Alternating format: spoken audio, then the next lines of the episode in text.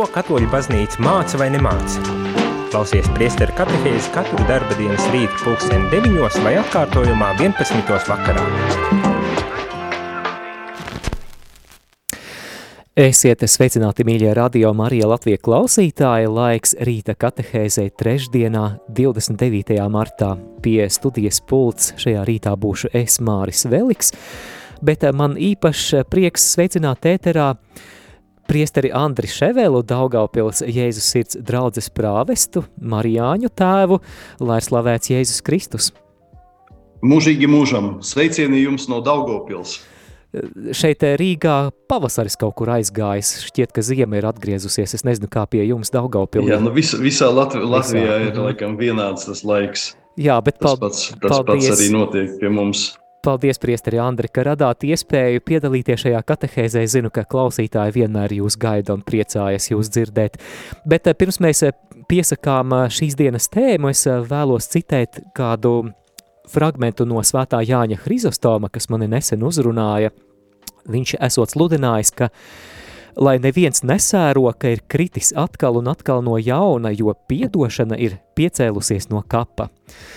Man šīs citāts atgādina nevien par to, ka tuvojas Kristus augšām celšanās svētki, bet arī par to, ka Kristus nāvei pie krusta un viņa augšām celšanās notikumam ir vistiešākais sakars ar to, ka mums var būt pilnībā piedots. Un tāpēc, gatavojoties lielajai klusajai nedēļai, gatavojoties trim lielajām dienām, īpaši esam pārdomāti īpaši esam aicināti arī pārdomāt izlīkšanas, jeb gandarīšanas sakramenta noslēpumu. Un tad šī būs mūsu tēma. Šodien mēs runāsim par gandarīšanas sakramentu, bet ievadā priesteri Andri varbūt jūs varētu klausītājiem pastāstīt, no kāda rakursa mēs šo tēmu aplūkosim, jo tēma ir ļoti plaša un te varētu veselu raidījumu ciklu noteikti, noteikti vadīt par šo Nu, no savas puses arī gribu izteikt tādu lielu uh, prieku un arī pateicību, ka ir iespējams runāt par šo sakramentu.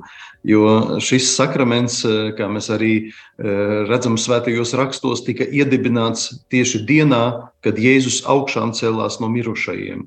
Kad pirmo reizi satiekās, saviem, satiekās ar saviem mācekļiem, jau kā augšām cēlies, un saka viņiem, miers jums, ja, un dveš viņiem svēto garu dod mācekļiem svēto garu un saka, saņemiet svēto garu. Kam jūs grēkus piedosiet, tam tie tiks piedoti, kam aizturēsiet, tam tie tiks aizturēti.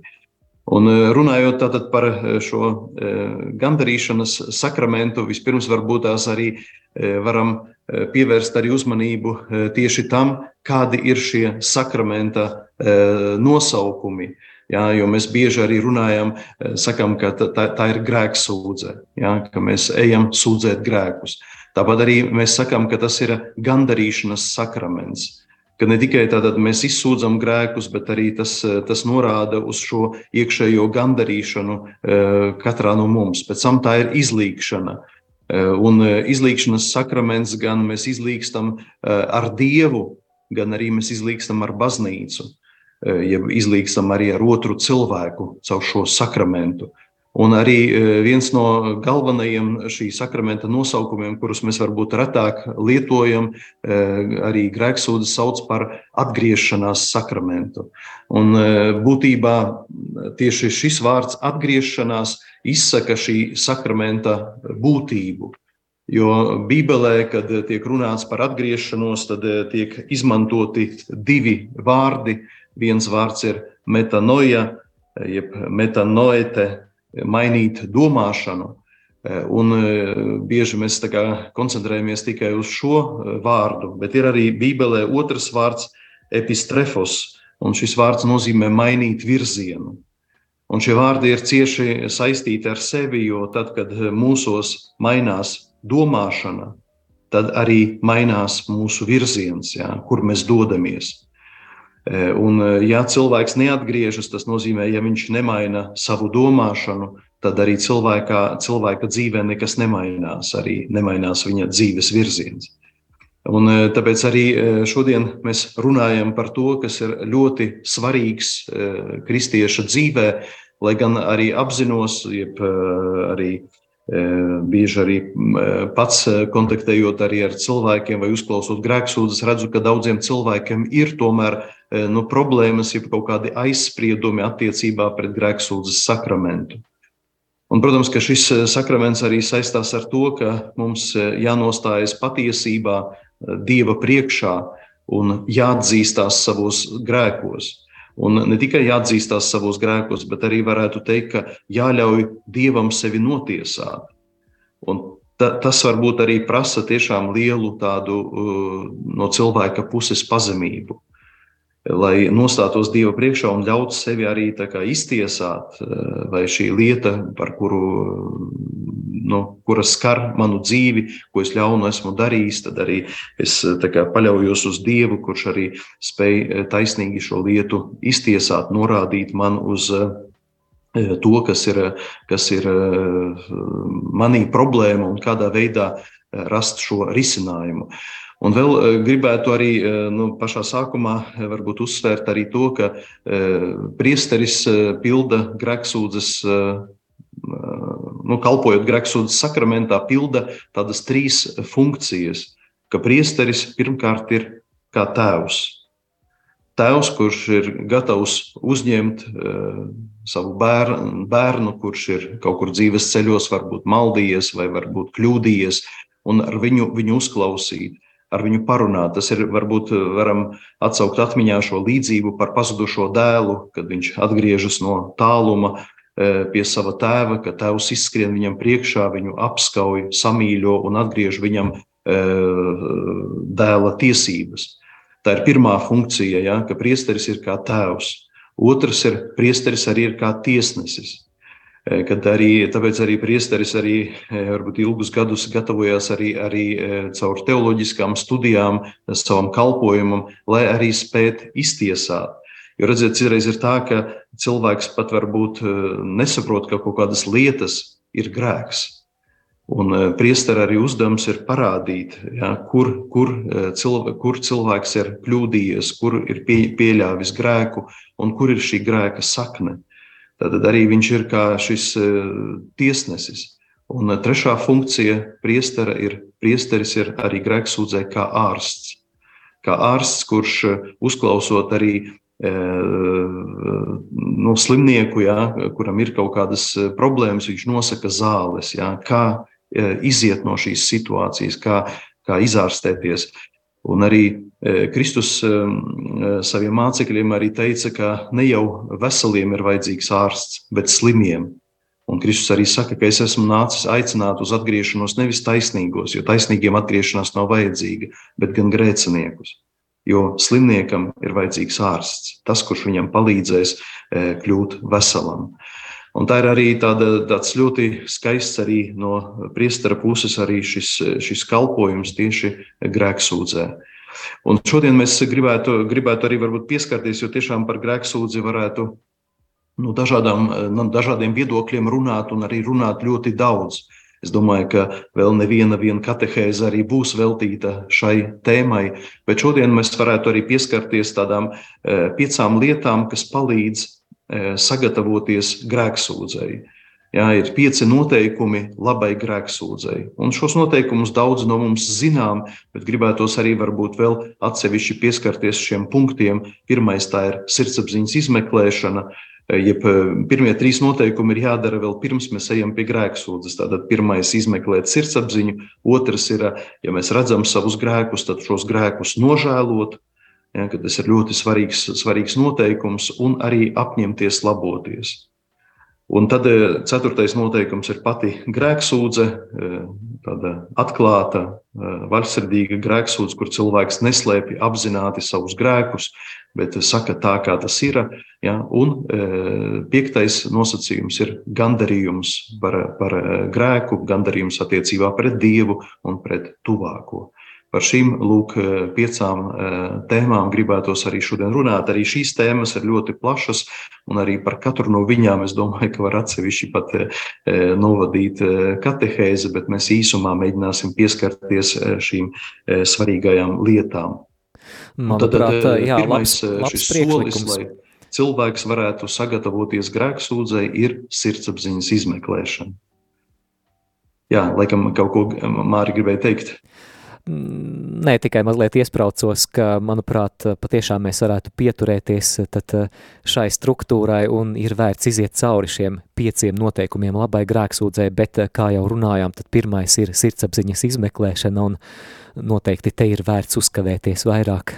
Tad lūdzu, priestri Andri. Jā, un kad mēs izmeklējam sirdsapziņu, gatavojamies grēksūdzēji, tad pirmais, pirmā tāda lieta sirdsapziņas izmeklēšanā tā ir lūkšana uz svēto garu.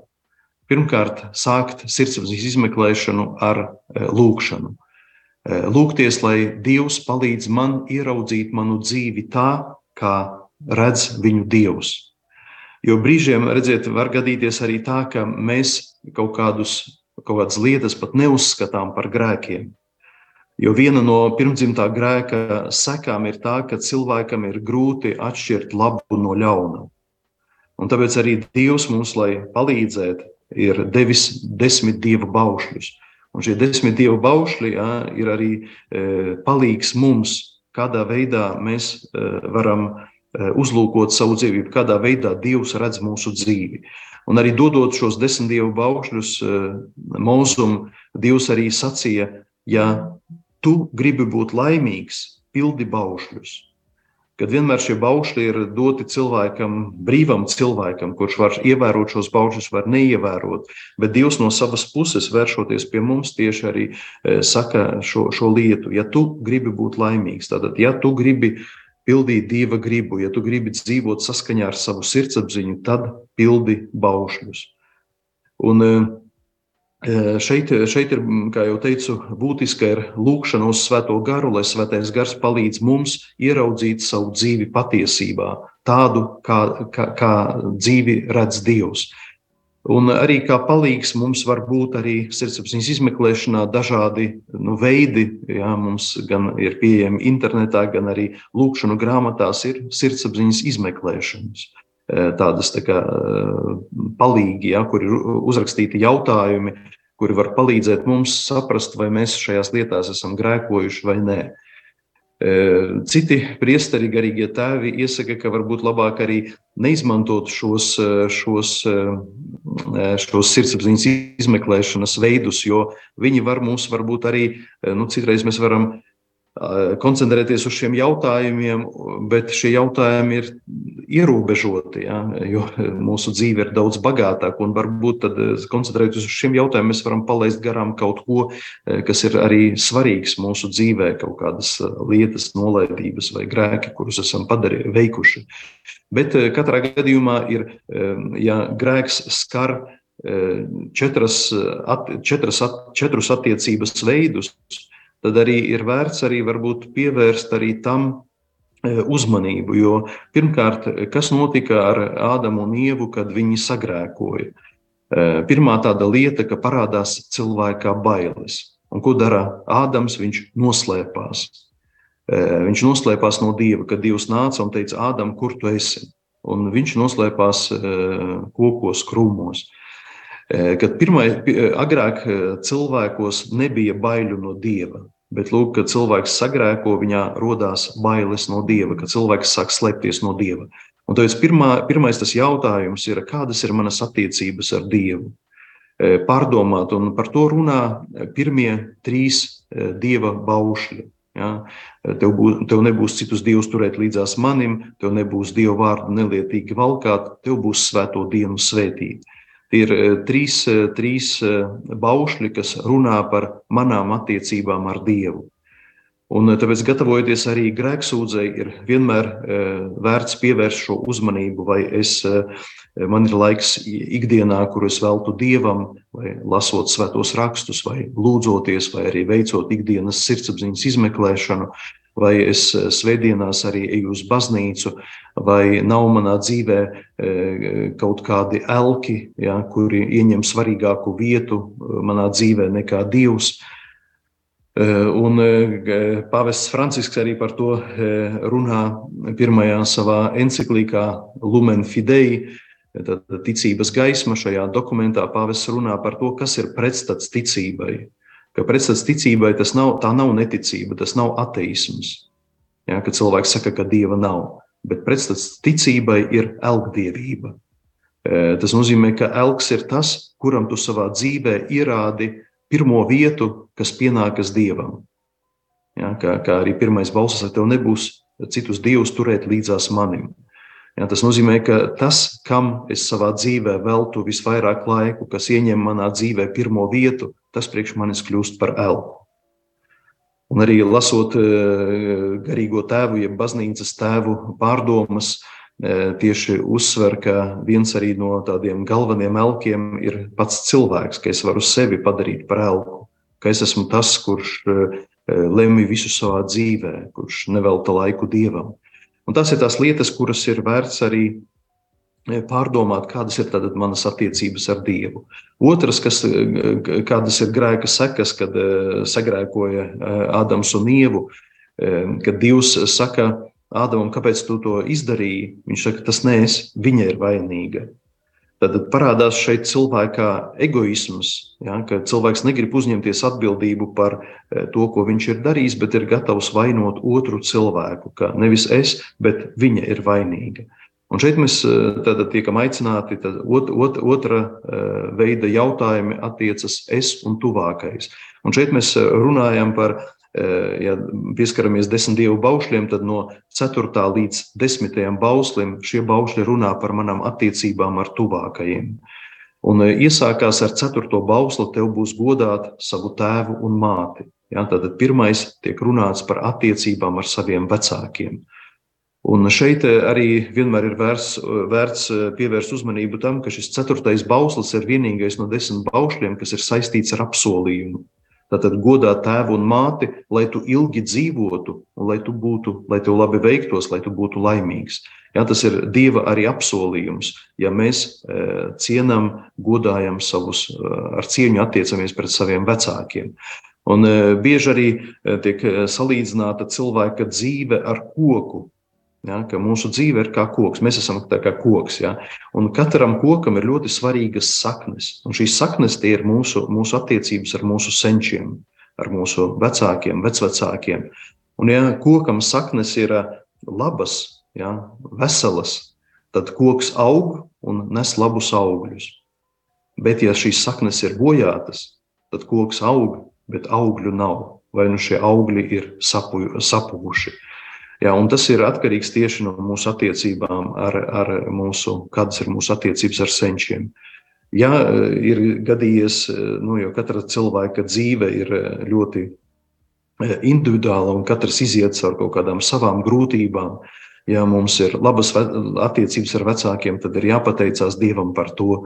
Bet, ja ir bijis kaut kādas grūtības, problēmas šajās attiecībās, tad ir ļoti svarīga atdošana.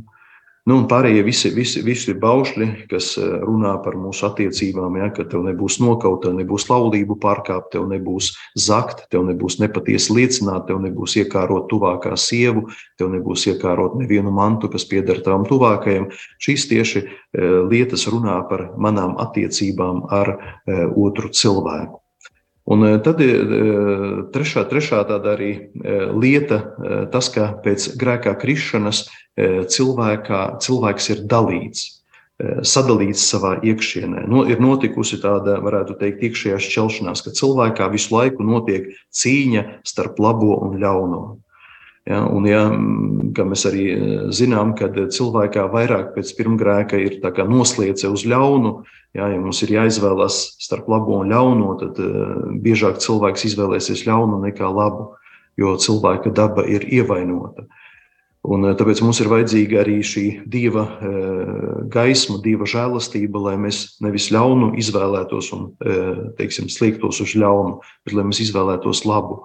Un tāpēc ir vērts arī pārdomāt par, par septiņiem galveniem grēkiem, kad mēs arī gatavojamies uz grēksūdzi. Un kādi ir šie septiņi galvenie grēki? Tie grēki, kas skar mūsu miesu, ja, tā ir nešķīstība, tā ir E, mantkārība, un tā ir arī negausība, ja, kad cilvēks neievēro mēru e, ēdienā vai dzērienā. Ja, šīs tās lietas, kas skar cilvēka miesu, ja, vēlreiz atkārtošu, tā ir nešķīstība, visi grēki saistīti ar cilvēka e, seksualitāti, pēc tam Otrs ir mantkārība, alkatība, ja, ka cilvēkam materiālās lietas visu laiku ir par maz un gribās vēl un vēl, un cilvēks tajā nevar apstāties. Ja ir ļoti pieķēries mantai, un vienmēr viss ir slikti, un vienmēr viss ir par maz. Ja, un arī, kad cilvēks neprot ievērot mēru savā ēdienā. Pēc tam arī ir grēki, kas skar cilvēka dvēseli, tā ir lepnība, kad es sevi uzskatu labāku par citiem, un tā ir arī skaudība, kad sevi salīdzinu ar citiem. Un ir arī grēki, kas saistās ar cilvēka emocionālo pasauli. Tās ir dusmas, eh, tā ir arī tāda apātija attiecībā par dzīvi. Tas ir arī slinkums, ja, kad cilvēks slinko, negrib neko darīt, grūti sevi motivēt, eh, piespiest kaut ko darīt. Ja, šīs lietas arī nu, saistās, saistās tieši ar mani. Un e, ceturtā veida attiecības, tā, tā, tās ir e, attiecības ar radīto pasauli, ka pēc grēkā krišanas arī e, cilvēka dzīvē ienāk gan ciešanas, gan arī nāve. Jā, bet arī šī, šī ir, šis ir jautājums arī par mūsu attieksmi vispār pret arī radīto pasauli. Pasauli, kuru Dievs nav radījis pilnīgu, jā, jo radīšanas process tā nav pagātne, bet Dievs rada arī šodienu ja, ka šis radīšanas process notiek arī šodien. Un, starp citu, arī kad mēs lasām evaņģēlijos un bieži e, sastopamies ar to, ka Jēzus dziedina kādu slimnieku tieši sabatā. Bet sabatā ebreju kultūrā bija uzskats, ka sabatā mēs neko nedrīkstam darīt. Bet kāpēc Jēzus tieši lauž šo likumu un dziedina tieši sabatā? E, ne jau tāpat Jēzus to dara nejauši, bet ar e, ļoti e, konkrētu mērķi. Jo ebreji vairāk uzskatīja, ka radīšana tas ir process, kas ir eh, saistīts ar pagātni. Jā, ka dieva darbība kā vairāk saistīta ar pagātni, bet Jēzus dziedinot sabatā parāda, ka Dievs rada arī šodien. Jā, kad eh, šī, šī dziedināšana tā ir tāda radīšana no jauna. Jā, un šeit ir tieši attieksme pret radīto pasauli, eh, kad arī mēs, protams, abrīnot šo radīto pasauli, būt par to pateicīgi Dievam, kā mēs izmantojam. Pāvests arī Francisks daudz runā par e, ekoloģiju, e, ja, kad arī kad, e, kā mēs attiecamies pret nu, jebkuru radīto lietu, pateiksim, pret ūdeni, ja, pret dabas piesārņojumu, ja, kāda ir mūsu attieksme. Vai mēs rūpējamies par pasauli kā mūsu kopīgām mājām, vai varbūt mēs arī šo pasauli kaut kādā veidā iznīcinām. Ja, šīs ir tās lietas, kuras eh, skar tieši eh, sirdsapziņu, un eh, sirdsapziņa, sirdsapziņas izmeklēšana tieši arī palīdz mums ieraudzīt, kādas ir mūsu četra veida attiecības. Pirmkārt, manas attiecības ar Dievu, otrkārt, manas attiecības ar tuvāko, trešais ir attiecības attiecībā pret sevi, ja, kaut kādi mani slinkuma vai nolaidības grēki, un arī ceturtais ir mana attieksme pret radīto pasauli. Paldies! Citreiz, citreiz cilvēki uzdot arī tādu jautājumu, vai var iet pie grēksūdzes nesagatavojies. Mm -hmm. nu, protams, ka var atnākt arī nesagatavojies, bet tomēr labāk, labāk gan pašam cilvēkam, gan arī priesterim, ja cilvēks atnāk sagatavojies uz grēksūdzi. Jā, jo citreiz ir tā, ka cilvēks saka, nu, man smagu grēku nav, es neesmu nevienu nogalinājis, neesmu laulību pārkāpis, neesmu neko zadzis, jā, man grēku nav. Un tad eh, bieži priesterim tad vajag eh, iziet cauri visiem desmit dievu baušļiem, lai uzdot jautājumus un palīdzētu cilvēkam eh, ieraudzīt savus grēkus. Esam runājuši par pirmo no pieciem noteikumiem labai grēksūdzēji par sirdsapziņas izmeklēšanu. Varam dzirdēt to pārdomāt īsas muzikālās pauzes laikā, un tad jau pavisam drīz ar priesteri Andri atgriezīsimies ēterā, lai turpinātu iesākto tēmu.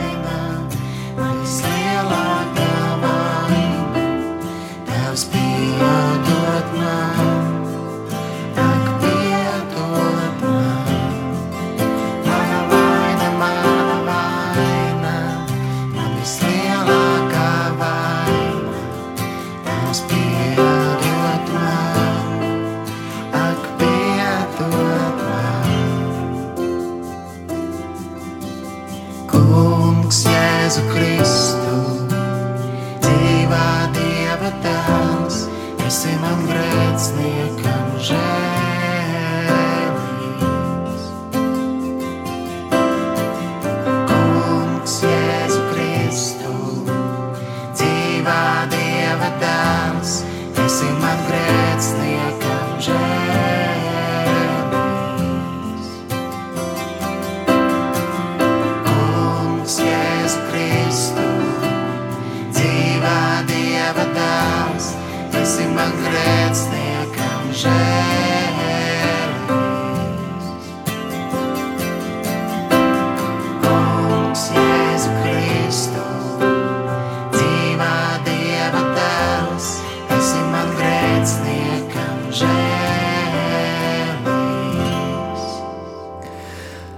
Atgriežamies ēterā. Savu skanējumu trešdienā, 29. martā, turpina priestera katehēze, un atgādināšu, ka šajā rītā kopā ar mums Marijāņa priesteris Andris Ševels, un mēs runājam par gandarīšanas sakramentu, runājam par pieciem noteikumiem labai grēksūdzēji. Un pirms mūzikas pauzes priesteris Andris mums pastāstīja par pirmo soli, kas ir sirdsapziņas izmeklēšana. Runājām par to, ka ir vērts lūgt svētā gara palīdzību, izmeklējot sirdsapziņu, un savu dzīvi varam izvērtēt četru attiecību kontekstā - attiecībās ar Dievu, attiecībās ar tuvāko, attiecībās ar sevi un pret radīto pasauli. Priesteri Andri, otrais solis ir um, grēku nožēla, vai ne? Vai Jā. atņemšanās laboties, kurš tad eh, seko nākamais? Es, ot, otrais ir noža, nožēla par Mhm. grēkiem. Jā, kas būtu par šo Mhm. sakāms? Jā, un šis ir ļoti svarīgs noteikums. Tad nākošais solis. Es tā domāju, ka katrs mēs saprotam, ka katrs no šiem soļiem ir svarīgs. Es varbūt vairāk veltīju laika eh, sirdsapziņas izmeklēšanai. Tagad šiem nākošajiem soļiem sanāks mazāk veltīt laika, bet šis solis grēku nožēla. Viņa ir ārkārtīgi svarīga, jo tas patiesībā ir noteikums, lai cilvēks varētu saņemt grēku piedošanu. Jo ziniet, ka ir tikai viens noteikums, lai mēs varētu saņemt grēku piedošanu, un tā ir grēku nožēla. Ja cilvēks atnāk uz grēksūdzi, izsūta savus grēkus, bet viņā nav nožēlas par grēkiem, nav nožēlas par grēku. Tas nozīmē, ka e, tas ir e, noteikums, vai cilvēks saņems grēku piedošanu vai nē. Jo nevienmēr atnākot uz grēksūdzi, cilvēks var saņemt grēku piedošanu. Tad tas noteikums ir grēku nožēla. Nu, tas pilnīgi var būt tāds izdomāts, izdomāts piemērs, lai, lai neskārtu nevienu. Piemēram, cilvēks ir nodomājis iet zakt un jau dodas e, ceļā uz kaut kādu vietu, kur viņš kaut ko grib zakt. Un pa ceļam ir baznīca. Un cilvēks ienāk baznīcā un iet uz grēksūdzi, izsūdz uh, savus grēkus un saka, ka es tūlīt jau pēc grēksūdzes došos zakt. nu, vai tāds cilvēks var saņemt grēku piedošanu? Pat ja priesteris viņam dotu grēku piedošanu, ja, tad šis noteikums, lai varētu šī grēku piedošana iedarboties cilvēkā, ir grēku nožēla. Ja, jo citreiz ir tā, ka arī cilvēks grēksūdzē priesteri var nu, nepateikt visu līdz galam, kā tas ir. Ja. Mēs varam apmānīt priesteri, bet mēs nekad nevarēsim apmānīt Dievu. Ja, un šeit, šeit ir šī, šī arī no, no cilvēka puses, no tieši penitenta, jeb gandarītāja puses, ir ļoti būtisks noteikums - grēku nožēla. Un tad, ja mēs atgriežamies pie šī piemēra, piemēram, cilvēks ir nodomājis nu, kaut kur doties kaut ko zakt, nu, teiksim, nezinu, uzlauzt kaut kādu pagrabu un nozagt riteni, piemēram. Un iet pa ceļam un redz baznīcu, un iet baznīcā un saprot, ka, ka viņam ir grēcīgas domas, grēcīgas vēlmes, viņš iet pie grēksūdzes. Viņš izsūdz šo grēku un saka, es biju nodomājis, nu, teiksim, devos jau teiksim, uzlauzt kaimiņam pagrabu un nozagt riteni. Ja? Bet atnākot uz baznīcu, es sapratu, ka tas ir grēks un es negribu to darīt. Mm. Ja, un es nožēloju šo grēku, nožēloju pat nevis nu, grēku, bet šo vēlmi. Ja, jo es biju gatavs, es jau gāju to darīt, bet pēkšņi es pārdomāju. Es to nožēloju, un es to vairāk nekad nedarīšu. Tad, protams, ka tādam cilvēkam ir piedošana. Un šeit arī rodas šis arī, e, nu, jautājums, kāpēc citreiz ir tādi gadījumi, kad priesteris nedod cilvēkam grēku piedošanu. Un šeit nav tā e, vaina, teiksim, priesterī, ka priesteris slikti izgulējies, teiksim, neiedzēra kafiju no rīta, un ir dusmīgs, un atnāk cilvēks uz grēksūdu, un priesteris nedod grēku piedošanu. Tā tas nenotiek. Ja, bet šī, šī e, lieta ir saistīta tieši ar pašu cilvēku, ar pašu e, to cilvēku, kurš nāk pie grēksūdzes. Jo, piemēram, ja cilvēks nāk pie grēksūdzes, un bieži tagad e, arī lieldienu laiks ir šis baznīcas arī bauslis, ka vismaz liel, tajā, lielā gaveņa laikā, ja, pirms lieldienām, aiziet uz grēksūdzi, un cilvēks atnāk un saka, ka viņš Mm, gada laikā tikai divas reizes nāk uz baznīcu. Bet trešais dievu bauslis ir, ja sešas dienas strādā, septīto velti dievam. Viens no šiem noteikumiem ir arī piedalīties svētajā misē. Un Dievs to dod eh, tāpēc, ka, eh, ja mēs to nepraktizējam, tad mēs arī nevaram nu, sev uzturēt normālu garīgu dzīvi. Un, teiksim, cilvēks atnāk un saka, ka, e, ka viņš e, tikai nu, gada laikā divas reizes ir bijis baznīcā. Un tagad priesteris viņam jautā, vai tu nožēlo šo grēku? Vai tu nožēlo? Viņš saka, nē, es nenožēloju. E, nu, jo es tāpat, nu, teiksim, biežāk es neiešu uz baznīcu. Ja man ir svētdiena, es gribu svētdienu atpūsties, es uz svētdienu uz baznīcu neiešu. Es nenožēloju to. Mm -hmm.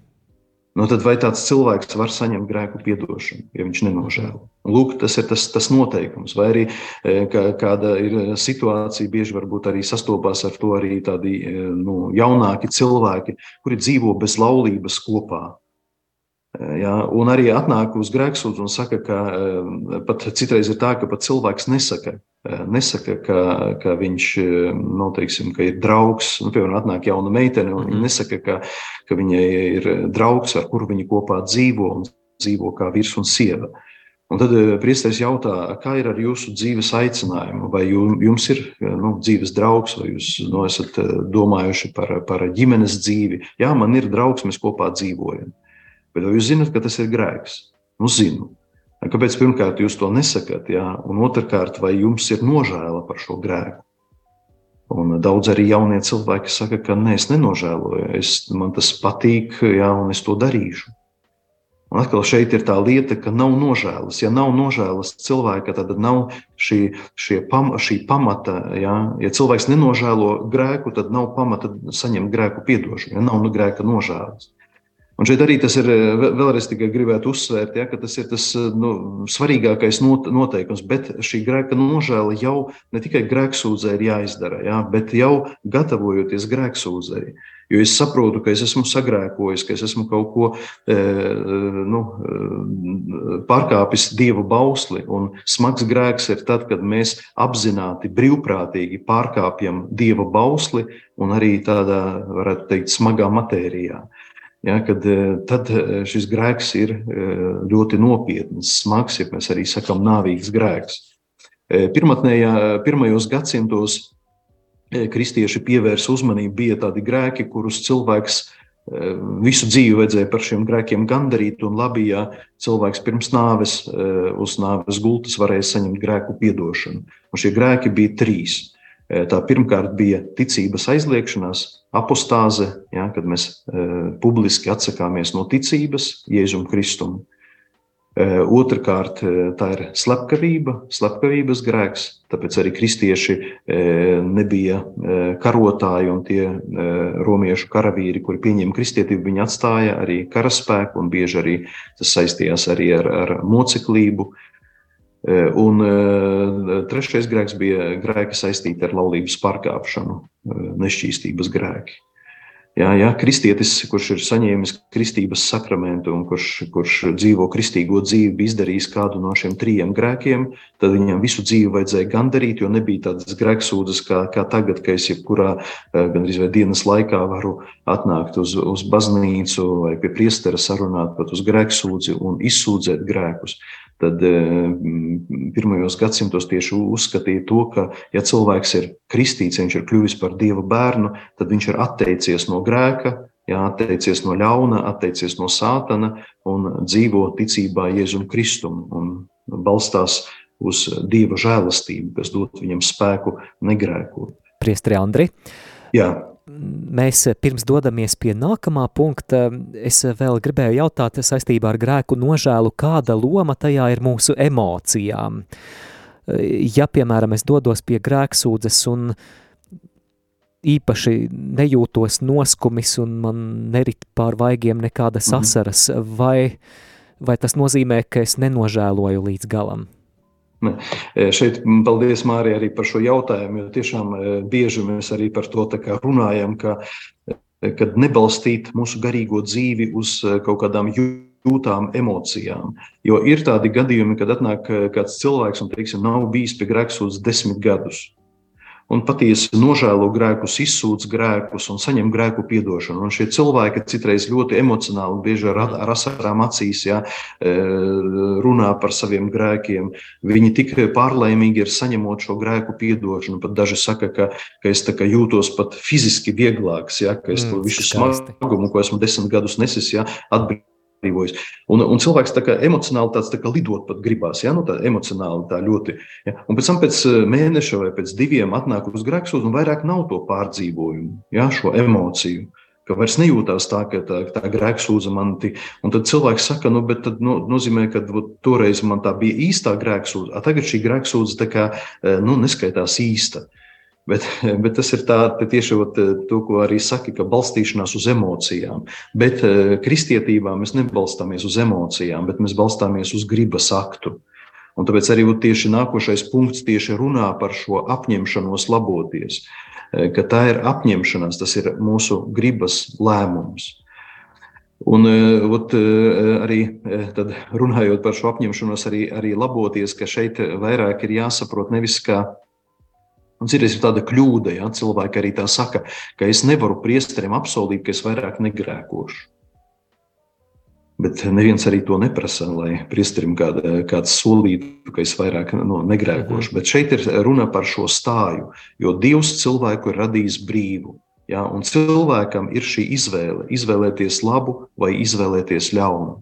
Un šī ir tā stāja, ka es gribu balstīties uz Dieva žēlastību, nevis uz saviem spēkiem. Ja, balstīties uz Dievu. Un zinu, ka pateicoties Dieva žēlastībai, es varu ja, izvairīties vismaz no smagiem, nāpīgiem grēkiem. Jā, bet, eh, priestri Andri, bet eh, kā ir atkarību gadījumā? Jo cilvēks tur gan diezgan droši var prognozēt, ka tik un tā agrāk vai vēlāk kritīs, ja ar šo atkarību vēl nav tikts galā. Un, ko šādā gadījumā nozīmē. Jā, un šis, cit, citreiz, citreiz jā, arī paldies par, par to papildinājumu, jeb ievirzi šajā pareizajā, pareizajā tādā virzienā, ja, kad, kad jā, gan atkarību gadījumā, bet arī citos gadījumos ir tā cilvēki atnāk un saka, bet man atkārtojas vieni un tie paši grēki. Es katru reizi gandrīz sūdzu vienus un tos pašus grēkus.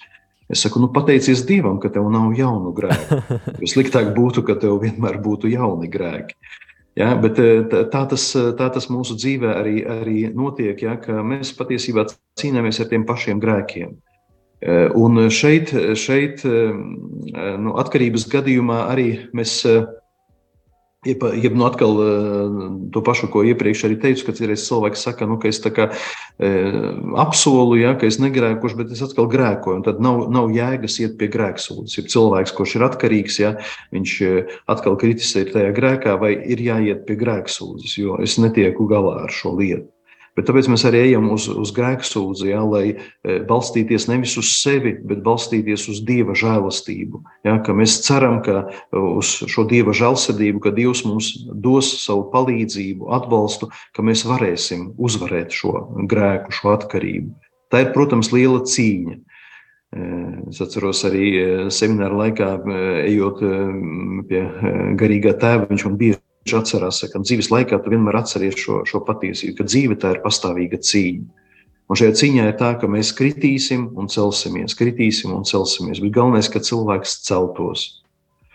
Ir daudzi tādi, tādi arī nu, nostāsti, gan Varbūt esat dzirdējuši arī par kādu jaunu priesteri, kuru paaicināja uz ieslodzījuma vietu, lai viņš eh, atnāktu un eh, nu, eh, pateiktu uzrunu tiem, kuri atrodas ieslodzījumā, cietumā. Tātad, un šis priesteris, kad, kad gāja, viņš nejaušām, nejaušām tur uz pakāpieniem pakrita. Un visi ieslodzītie, protams, sāka smieties par viņu, ka lūk, tāds neprasa, kurš kāp pa kāpni un pakrīt. Ja? Viņš tā piecēlās un izmantoja šo situāciju un saka, redziet, es pie jums tāpēc esmu atnācis, lai jums pateiktu, ka cilvēks var pakrist, bet var arī piecelties. Ļoti svarīga ir šī piecelšanās. Un vēl eh, sakarā ar šo, šo lietu arī eh, prātā nāk eh, tāds gadījums, kad kāds cilvēks nāca pie tūkstneša tēva un saka, tēvs, es sagrēkoju. Un tad viņš saka, nu, kas man ir jādara? Viņš saka, nu, celies. Jā, atnāk pēc kāda mēneša, atkal, atkal es sagrēkoju. Nu, kas man jādara? Nu, celies jā, no tiem mhm. grēkiem. Mm. Pēc tam, un tā nāca vairākus gadus. Viņš saka, man ir apnicis, jā, kad es tā visu laiku krītu un ceļos. Un šis tūkstošs tēvs viņam arī, arī saka, ka tā tu kritīs un celsies visu dzīvi. Bet pats galvenais, kad Kristus atnāks pēc tevis, jā, tavā nāves stundā, lai viņš atrastu tevi nevis guļam, grēkos, bet piecēlušos no grēkiem. Ja, tā cīņa ilgs visu, visu dzīvi. Un šeit, protams, nav runa par to, lai mēs nekad nega, mēs, nu, aiziesim pie grēksūdzes un nekad negrēkosim vairs. Ja, bet šeit ir tieši runa par šo iekšējo stāju, ka es izvēlos Dievu un es vēlos savā dzīvē balstīties uz Viņa žēlastību, nevis uz saviem mm. spēkiem. Ja, un tāpēc arī, arī, arī grēksūdze, ja, ka citreiz nu, cilvēki tā iekrīt tādā tā aburtā aplī, ja, ka es atkal sagrēkoju, un kāpēc man jāiet pie grēksūdzes, jo es atkal sagrēkošu. Bet, ja es neiešu pie grēksūdzes, es balstīšos uz saviem spēkiem, ka es ar saviem spēkiem varētu e, atbrīvot sevi no grēkiem, bet tas arī tā nav. Ja, tāpēc arī, arī ļoti svarīgi, ka mēs eh, eh, nākam uz grēksūdzi, lai balstīties uz Dieva žēlastību, ka ar saviem spēkiem es netikšu galā, ka Dievs man ir vajadzīga tava palīdzība. Ja. Es esmu vājš, es esmu grēcīgs. Tātad... Protams, kad arī redzēt arī šo eh, patiesību grēksūdzē, ka sevišķi šajās dienās, arī iepriekšējā svētdienā, tagad piektajā svētdienā, kad mēs runājam par Lāzara piecelšanu no kapa. Ja, kad Jēzus saka, izej ārā no kapa un Lāzaru uzmodināja no mirušajiem. Bet redziet, tieši šeit varbūt labi ir redzama šī patiesība, cik maksāja šī Lāzara piecelšana no mirušajiem. Tas maksāja Jēzus nāvi. Jo pēc tam, divas nedēļas vēlāk, pēc Lāzara augšām celšanas, ebreji jau kategoriski pieņēma šo lēmumu, ka vajag Jēzu nonāvēt ja, ka tika jau iz, iznests nāves spriedums viņam. Un pēc divām nedēļām Jēzus tieši tādā pašā kapā, eh, klintī, eh, kuru pēc tam aizvēla ar akmeni, tika guldīts tādā pašā kapā. Tad Lāzars izgāja no kapa, bet Jēzus viņa vietā iegāja, viņa vietā deva dzīvību.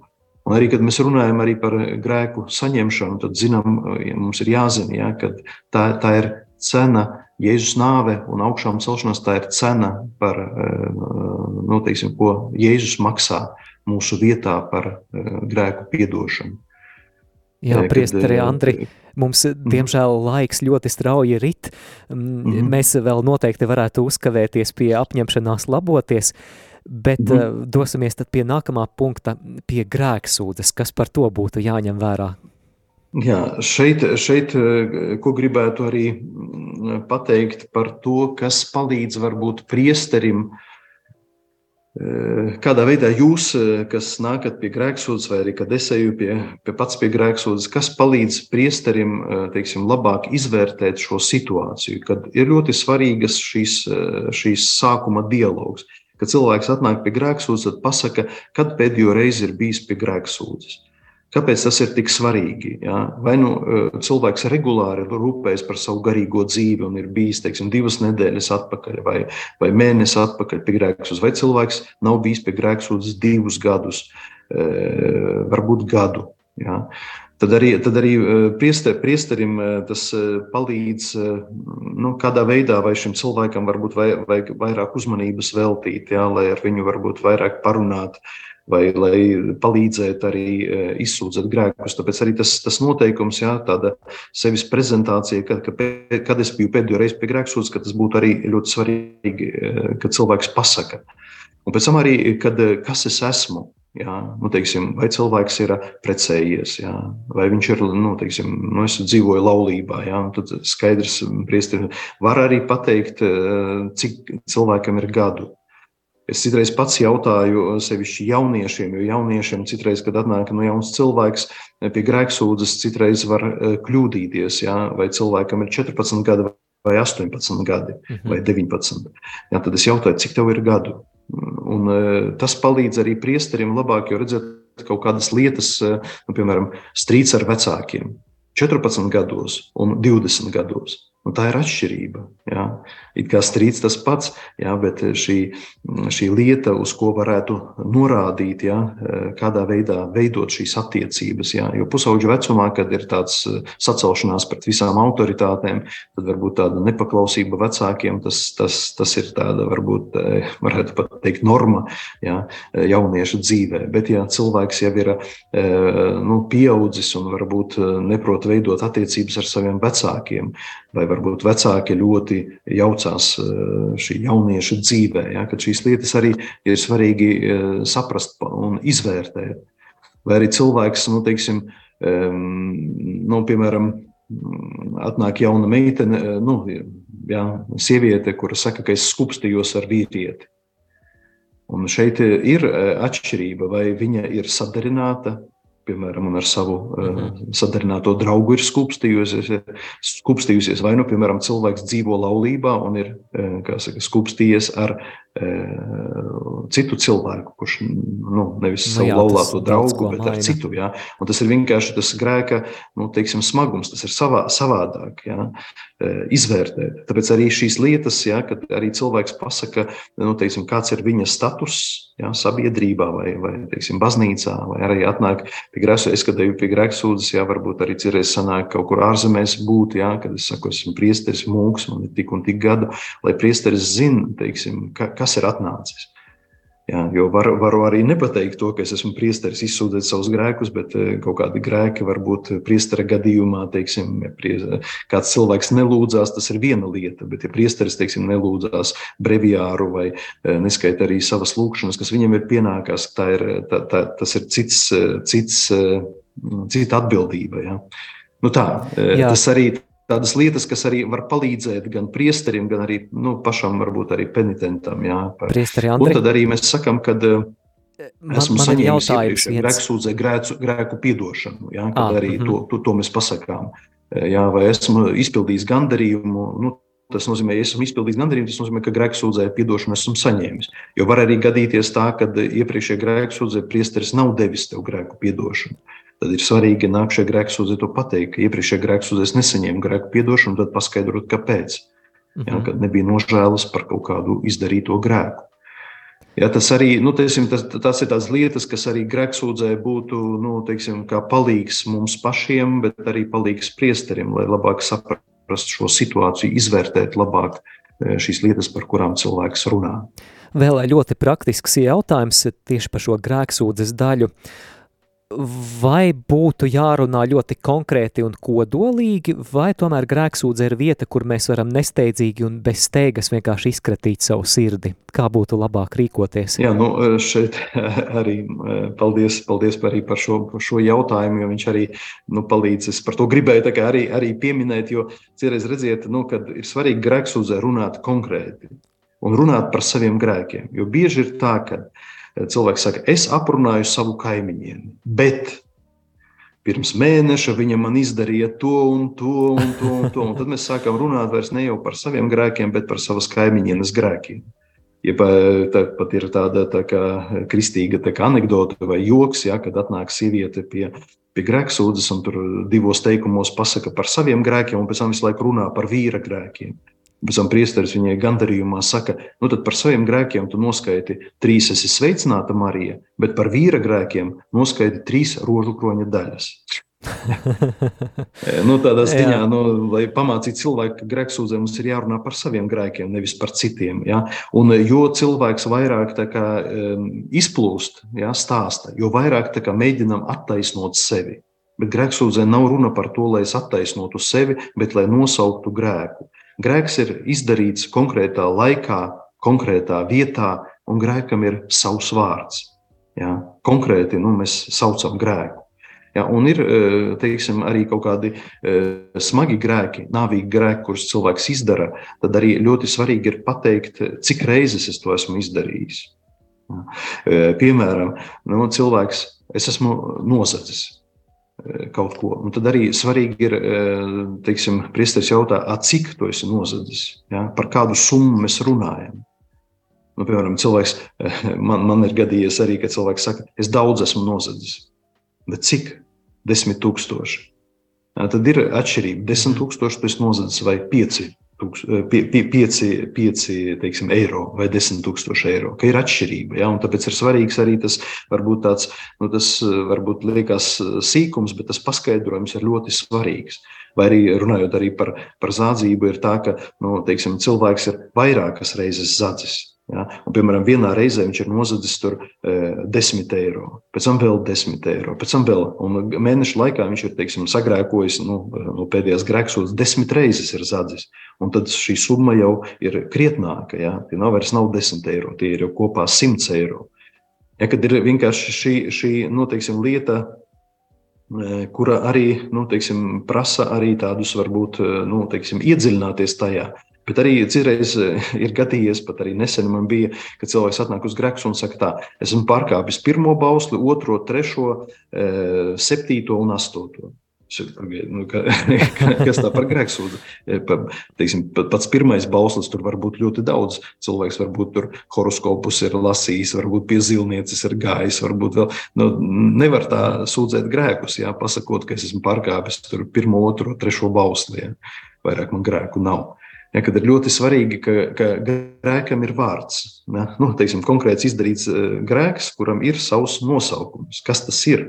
Un tas Jā. arī, tad, tad arī mēs nostājamies patiesībā arī Dieva priekšā, eh, atzīstoties nu, savos, savos grēkos.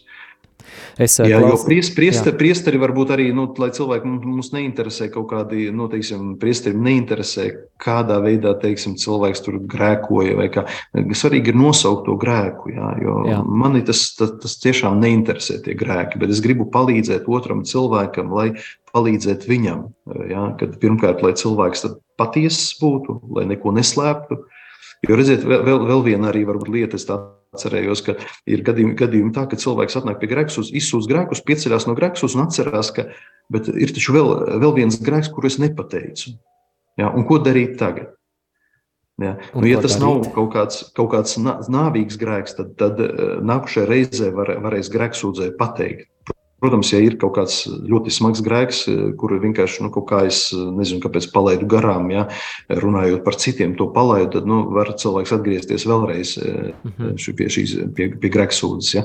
Bet nu, kaut kādā citā, citā gadījumā, ja tie ir ikdienišķi grēki, tad, tad var nākušajā grēksūdzē pateikt. Bet ir atšķirība, vai es vienkārši nu, teiksim, aizmirsu pateikt, vai es tiešām noklusēju šo grēku apzināti un brīvprātīgi. Ja, šī, ir, šī ir tā atšķirība. Jo citreiz cilvēks nu, ļoti vispārēji runā, delikāti par, par, ši, par šīm lietām un noklusē kaut kādas svarīgas, eh, svarīgas lietas. Mm.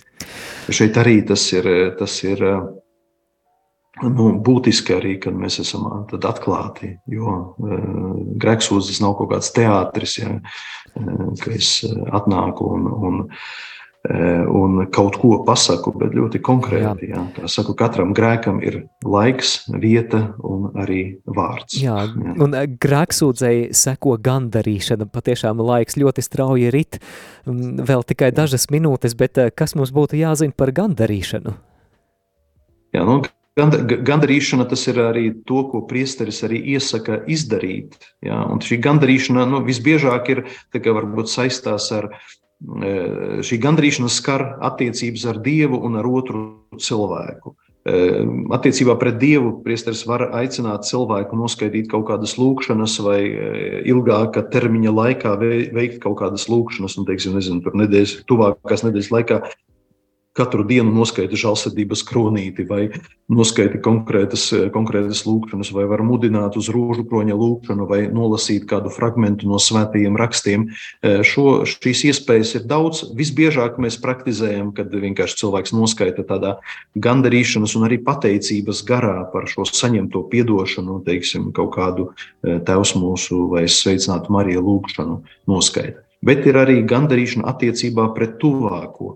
Un šeit ir tā, ka ja cilvēkam ir bijis tā, ka cilvēks ir nu, apvainojis kādu, varbūt kādam cilvēkam ir eh, neslavu cēlis, eh, kad eh, priesteris var arī aicināt šo cilvēku, kad vai nu varbūt publiski palūgt piedošanu, ja tas ir kaut kāda publisks, publiska lieta, varbūt aizēju pie šī cilvēka un izlīgsti ar viņu. Jā, viens ir, ka tu esi e, saņēmis šo grēku piedošanu, bet varbūt vajadzīgs ir konkrēta kaut kāda lieta. Varbūt ir kaut kādas lietas, kuras tu bez atļaujas esi paņēmis, un ka varbūt šo, šo lietu e, ir jāatgriež atpakaļ. Jā, tas arī kā tāds e, gandarījums, kas var palīdzēt, jo tas gandarījums ir jāsaprot, kā, kā teicu, ka priesteris Greksudze ir kā ārsts. Un ārsts viņš izraksta kaut kādu recepti, jā, kaut kādas zāles, kas var palīdzēt mums kļūtu veseliem. Jā, vai varbūt arī var priesteris mudināt uz kaut kādiem žēlsirdības darbiem, jā, nabaga dāvanu, e, iedot kādam, kādam cilvēkam, jā, vai, vai atbalstīt teiksim, kaut kādā draudzē zupas virtuvi, jā, kur, kur maz, nodro, maz nodrošinātām ģimenēm tiek sniegta palīdzība. Jā. Kaut kādā tādā veidā konkrētā, bet arī vēl arī var nu, cilvēkam palīdzēt tas, kad mēs ja ir kaut kādi grēki, kuri atkārtojas, ka varam varbūt arī veikt kaut kādu, nu, teiksim, var arī priesteris ieteikt kaut kādus konkrētus soļus, vai arī pats cilvēks var priesterim teikt, ka esmu apņēmies darīt to un to un to šajā tuvākajā laikā, lai kaut kādā veidā cīnīties arī ar savām atkarībām vai ar kaut kādām savām nosliecēm. Priesteri Andri, liels, liels paldies par šo katehēzi. Es domāju, bija ļoti, ļoti vērtīgi un arī šīs atlikušās nedēļas līdz Kristus augšām celšanās svētkiem, es domāju, ir īstais laiks, lai atkal ielūkotos savā sirdsapziņā, izmeklētu sevi, nostātos Dieva priekšā un vēlreiz izietu cauri visiem šiem pieciem noteikumiem, pieciem posmiem labai grēksūdzēji. Varbūt noslēgumā tikai dažos vārdos, eh, kāds būtu novēlējums eh, šajā laikā klausītājiem? Nu, lai piedzīvotu šo eh, dieva žēlsirdību tieši grēksūdzes sakramentā, un arī atcerēsimies, ka grēksūdzes sakramentā svarīga ir nožēla, bet šī sakramenta mērķis tā ir atgriešanās. Jā, lai mēs katrs varētu piedzīvot šo atgriešanos, tātad atgriešanos, kas maina mūsu domāšanu un maina mūsu dzīves virzienu lai šis virziens ir vērsts uz Dievu. Paldies! Un tuvāko. Paldies, lai svētīga arī jums kalpošana, lai Dievs svētī ar savu izturību.